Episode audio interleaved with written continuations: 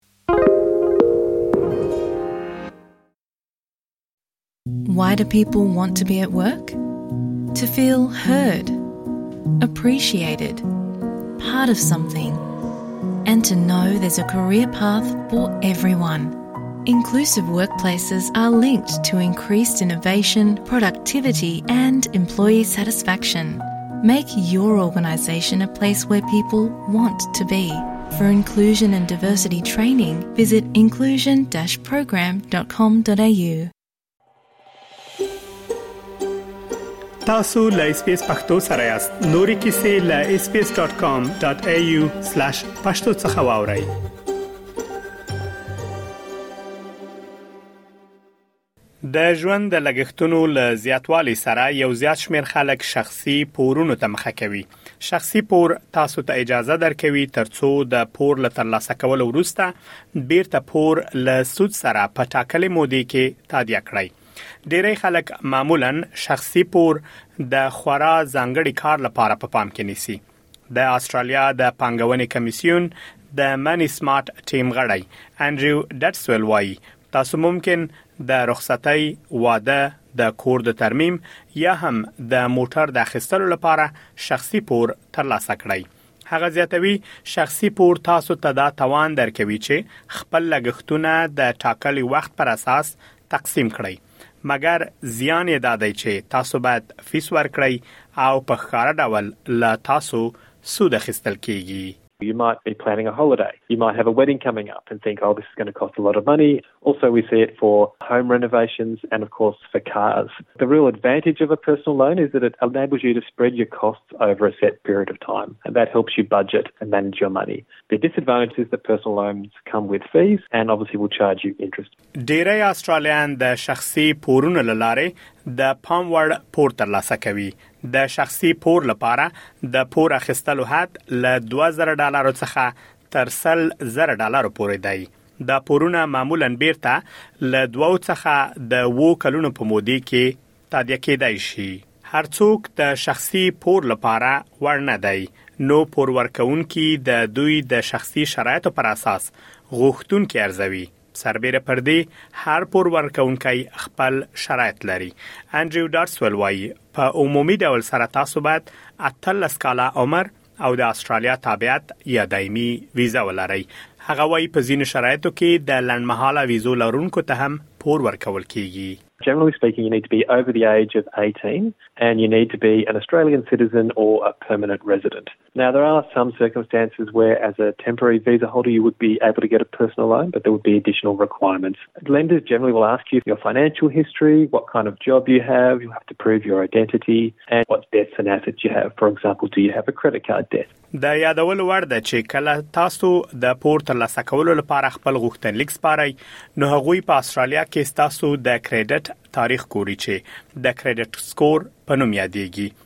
تر څو معلومه کړئ چې آیا تاسو د پور د بیرته ورکولو توانایی لرئ او کنه د شخصي مالی چارو کارپوه ایمی برادنی جورج وایي ستاسو د کریډټ سکور یو نمبر ته وایي چې په عام ډول سره د صفر او زرو ترمنځ وي او دا پور ورکونکي ته ستاسو د پور بیرته ورکولو توانایي ښيي.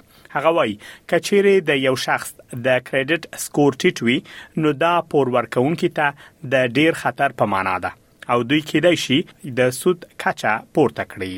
Your credit score is a number. It's generally between zero and a thousand.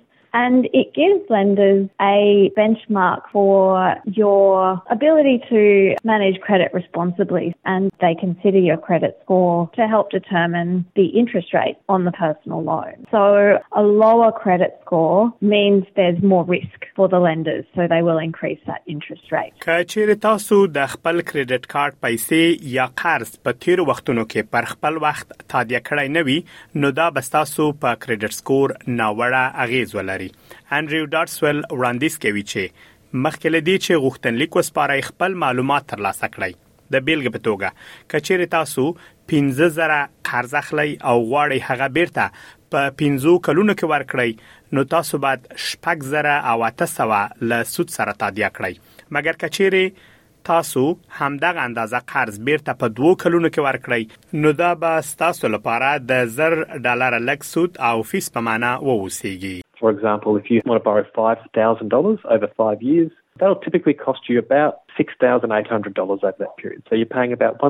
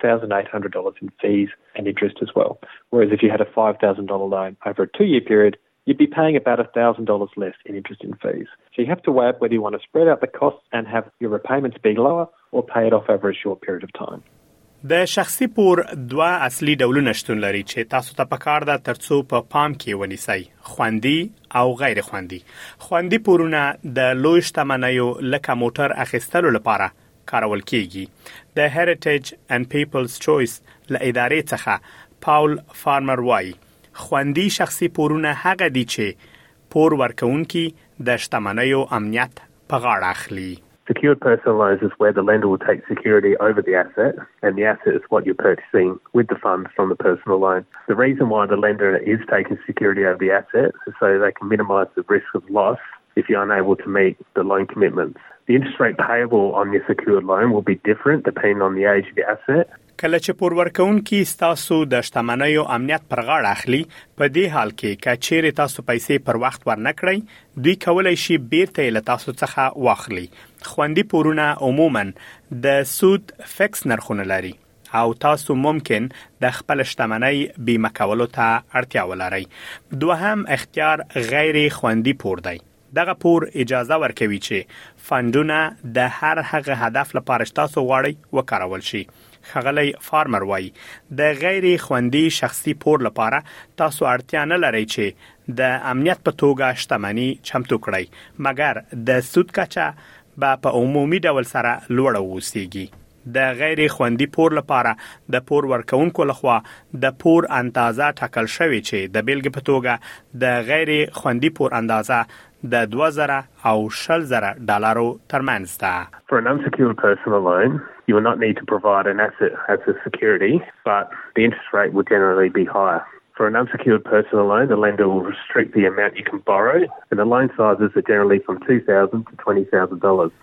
که تاسو ډاډه یاست چې تاسو کولی شئ ټولې اړتیاوې پوره کړئ او بیرته تادیات اداره کړئ، تاسو معمولا کولی شئ خپل غوره پور ورکوونکي ته آنلاین درخواست وکړئ او اړین اسناد ضمیمه کړئ.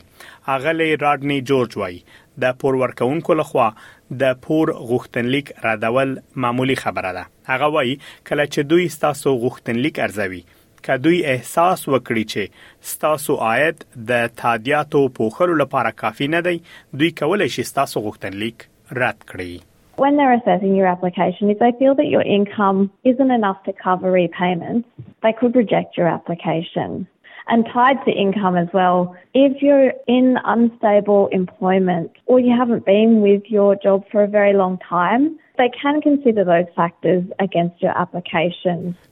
که چیرې تاسو پور ترلاسه کړی اوسي او له ستونزو سره مخ یاست، نو مهمه ده ترڅو له پور ورکوونکي سره د خپلو شرایطو په اړه خبرې وکړئ.